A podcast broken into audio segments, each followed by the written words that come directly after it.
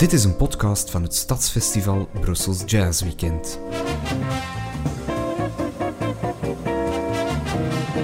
Ben je nieuw in de jazz, dan is dit een ideaal vertrekpunt om je op weg te helpen. Welkom luisteraars bij alweer een nieuwe Jazziness. Frederik Goossens zit opnieuw tegenover mij.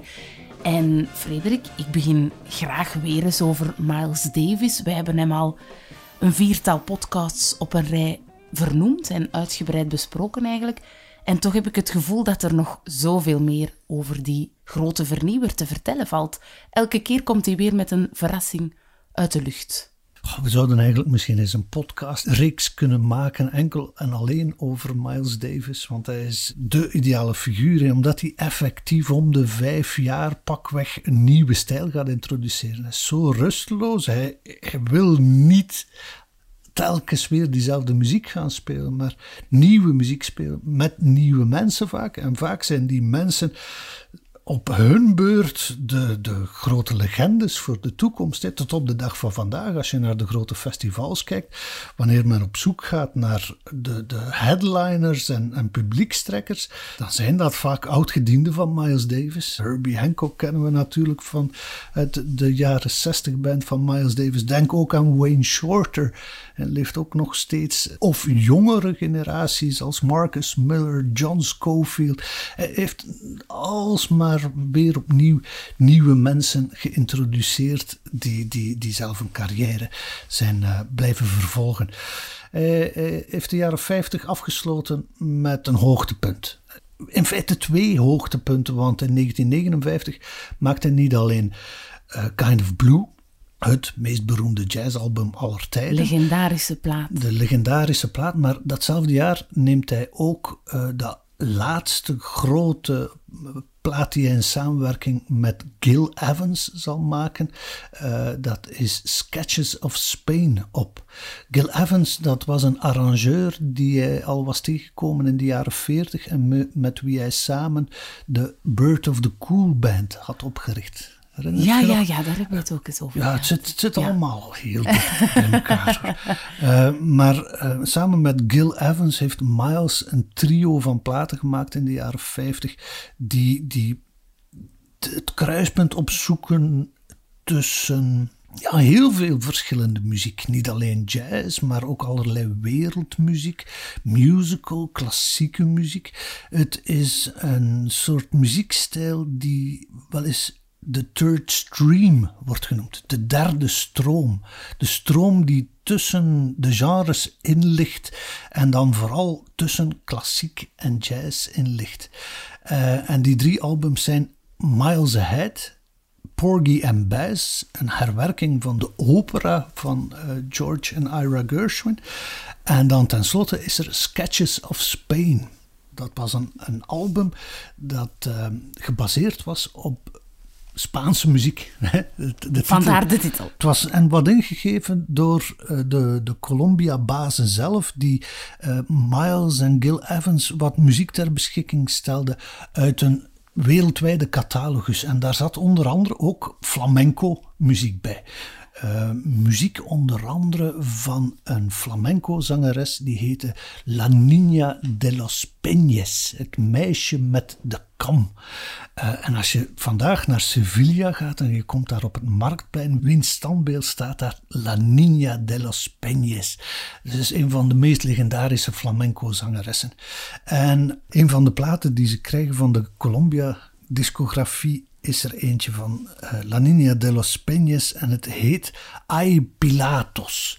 Een smeekbede van, denk moeder Maria aan Pilatus.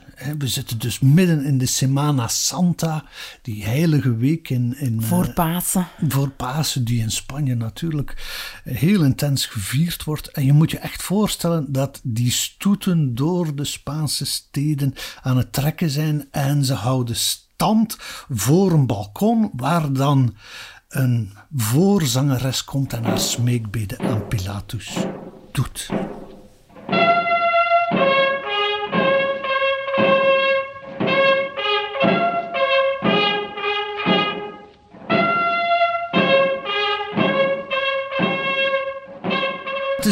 Tekenend hoe jazzmuzikanten steeds meer een blik gaan verruimen.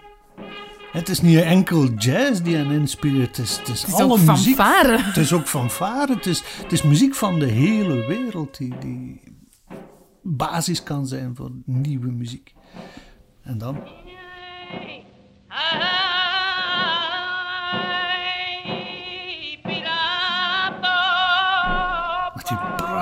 Prachtige weemoed, die, die, die klagende stem, die, die ook een klein beetje herinnert aan, aan de, de work songs en de blue notes die in jazz zitten. Het zit heel dicht bij elkaar. hè. De duende van de flamenco, een, een gevoel dat je niet onder woorden kan brengen, dat je niet kan gaan definiëren, is heel vergelijkbaar met de blues die in jazz zit. Dat is ook zo'n gevoel, ja, je moet het, je moet het hebben, je moet het, je moet het aanvoelen, want je kan het niet uitleggen. En dit is wat ook Miles Davis en Gil Evans inspireerde. Dit was iets wat, wat hen tot nieuwe muziek kon brengen. En bij hen klinkt het als volgt.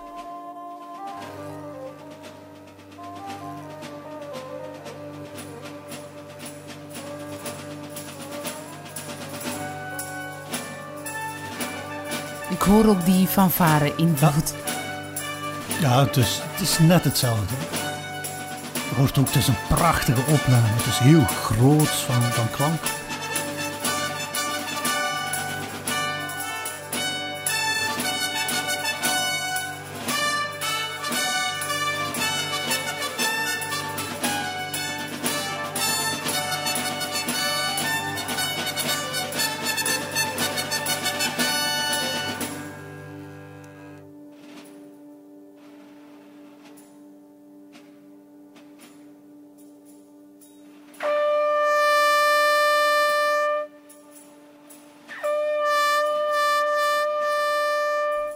Hoort in de toon ook diezelfde kleur die we in de stem gehoord hebben van La Niña de los Peñas. Het kon bijna niet anders of het moest een jazzmuzikant zijn die die muziek ook vertaalde voor de hele wereld. En je hoort in alles ook hoe Miles speelt, hoe, hoe intens hij dat voelt. Het is echt een muzikant die op de toppen van zijn tenen staat. Hè. Die, die weet dat elke noot die hij speelt een gewicht heeft die de eeuwigheid moet weerstaan.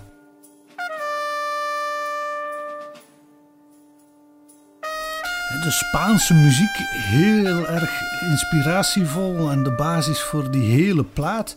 Maar het stuk dat eh, dit album Sketches of Spain zal tekenen, is een beweging van een concerto van een klassieke 20e eeuwse componist. En die had een concerto geschreven voor gitaar en orkest. Eh, het heet het Concerto de Aranjuez. Het, het is een, een, een zeer populair stuk geworden, maar dat is het enkel pas geworden dankzij deze plaat van Miles Davis. Nochtans, wanneer Rodrigo hoorde dat Miles Davis en Gil Evans plannen hadden om een jazzversie te maken van zijn klassiek stuk, een klassiek stuk dat op zich al het kruispunt zocht tussen klassieke muziek en flamenco muziek, de muziek van zijn eh, achtergrond, van zijn jeugd, dan was hij daar niet mee opgezet. En hij, probeerde zelfs om die opnames tegen te houden. En het verhaal gaat dat Gil Evans hem zou kunnen overtuigen hebben met het vooruitzicht van eh, de grote inkomsten die er zouden komen via royalties. Dus wacht maar tot je je eerste check van de royalty zal krijgen. En dan zal je wel inzien dat dit niet zo'n heel slecht idee is. En Gil Evans zal gelijk krijgen natuurlijk. Want het Concerto de Aranjuez zou in de nasleep van dit album, in het collectief geheugen van ons allemaal sluipen. Luister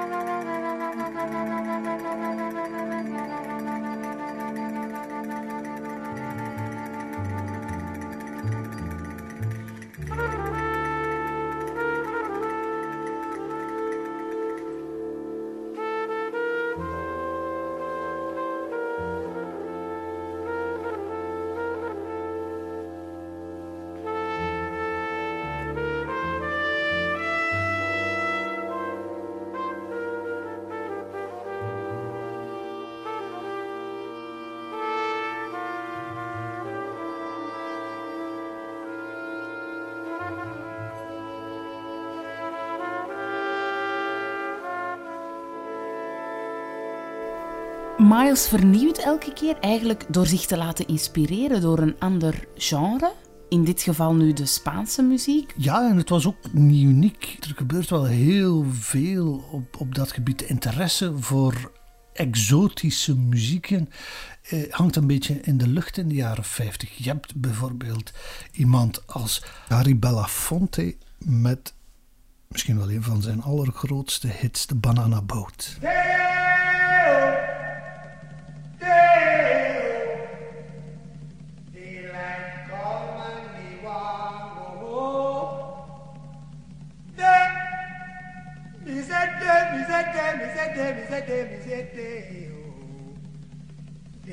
Daylight come and me want go home.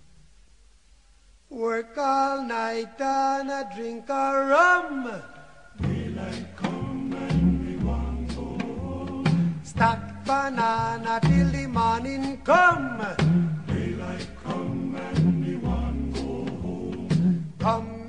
Ja, dit is een heel bekend deuntje, als ik het een beetje respectloos mag zeggen. Iedereen heeft het liggen, hè? de Deo de Banana Boat Song. Maar daar introduceerde iemand als Harry Belafonte wel een hele generatie met de muziek van de Caraïben. Hè? Uh, dit soort muziek eh, hangt een beetje in de lucht. En uh, je hebt in 1959 ook een film die vanuit Brazilië komt overgewaaid en een internationaal succes wordt, die heet Orfeo Negro. En hier een fragment uit de soundtrack van Orfeo Negro. Dit is de Manhã de Carnaval, de ochtend van het carnaval. Mm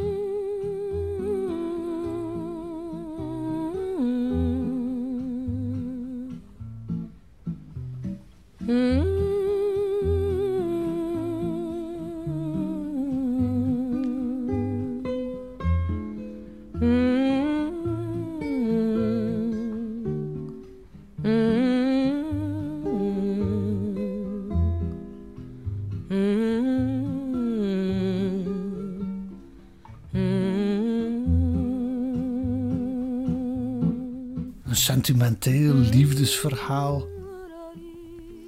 Met muziek van Luis Bonfa, de gitarist, maar ook van Antonio Carlos Jobim. Ik spreek het waarschijnlijk allemaal fout uit. Ik moet, het op zijn Portugees, Antonio Carlos Jobim. uh, maar dat zijn jonge kerels. Die Jobim was een pianist, maar ook componist. Die ook geïnteresseerd waren uh, in de muziek die op dat moment vanuit Amerika kwam. Dus ze hebben eigenlijk elkaar geïnspireerd. Ja, en hij gaat muziek beginnen maken die wel gebaseerd is op de Braziliaanse samba-muziek, uh, maar hij gaat dat wat peperen met jazzakkoorden. En daardoor komen ze uit op een nouvelle vague. Ze noemen het zelf de bossa nova, een nieuwe golf in die Braziliaanse muziek die al wat dichter bij jazz aanleunt. En wanneer een Amerikaanse jazzmuzikant naar Brazilië trekt en die muziek daar oppikt, brengt hij die terug mee naar Amerika en heb je deze muziek, Desafinado.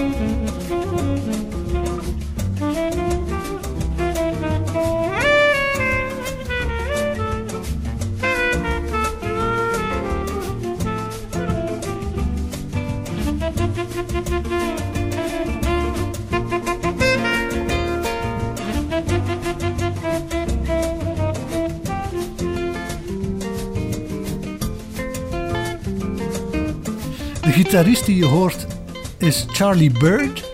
En die saxofonist met die onmiskenbare zwoele toon van hem is Stan Getz. En dat was onmiddellijk een succes. En uh, natuurlijk komt, groeit dan het idee, we moeten die jongens, die Brazilianen, die jonge Brazilianen uitnodigen naar Amerika om een opname te maken met de grote sterren van dit album Stan Getz. En zo wordt in 1963 dit album opgenomen. Een van de grootste hits van de bossa nova, La Garota de Ipanema of in het Engels The Girl from Ipanema.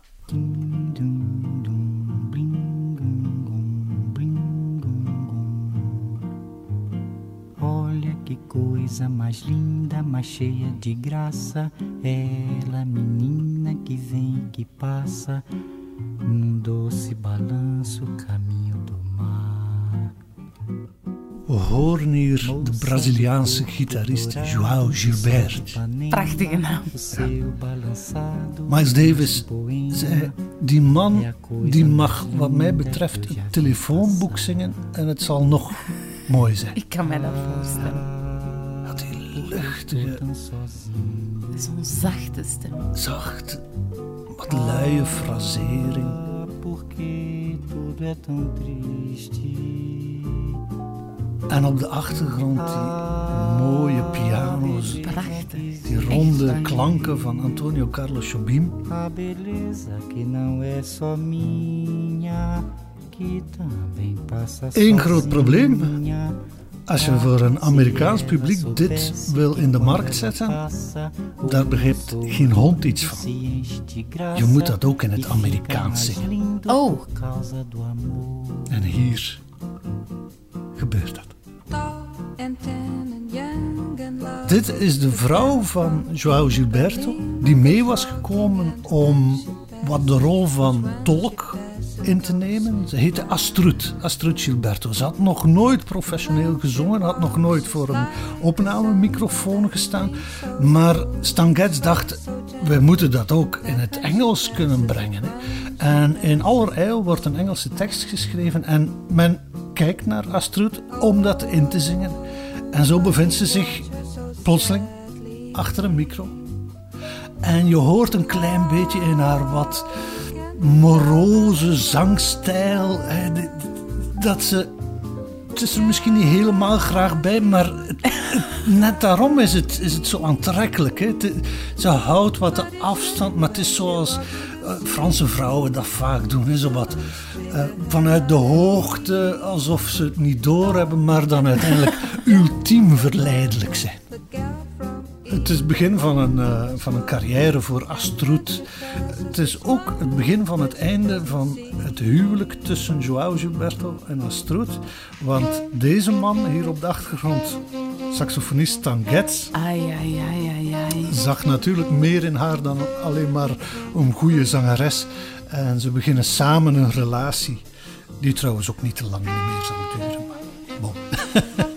Ondertussen was het succes er natuurlijk. Hè? En bossa nova is, eh, is iets waar niemand aan gaat ontsnappen.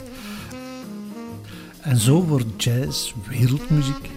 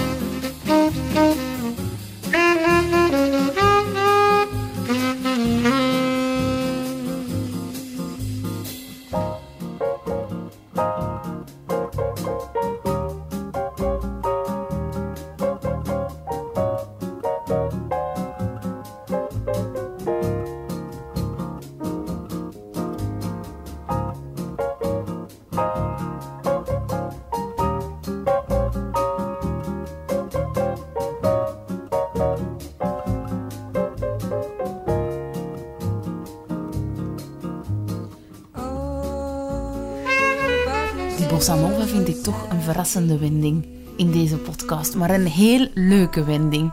Was heel fijne muziek. Uh, Frederik, Miles kiest duidelijk voor de wereldmuziek hier op dit moment in zijn carrière.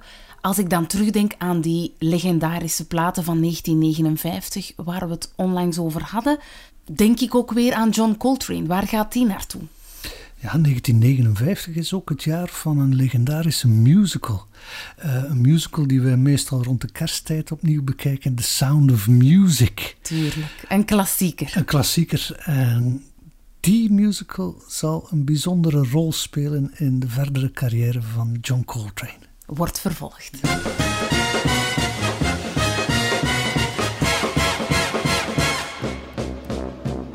Bedankt Ellen Leemans en Frederik Goossens. Jazziness wordt gemaakt door het gratis stadsfestival Brussels Jazz Weekend. De volgende editie vindt plaats op 29, 30 en 31 mei 2020. Meer info over het festival vind je op brusselsjazzweekend.be. Abonneer je op de podcast om op de hoogte te worden gehouden wanneer nieuwe afleveringen verschijnen. Vind je dit een leuke podcast? Geef ons dan een goede review. Zo worden we ook makkelijk gevonden door nieuwe luisteraars.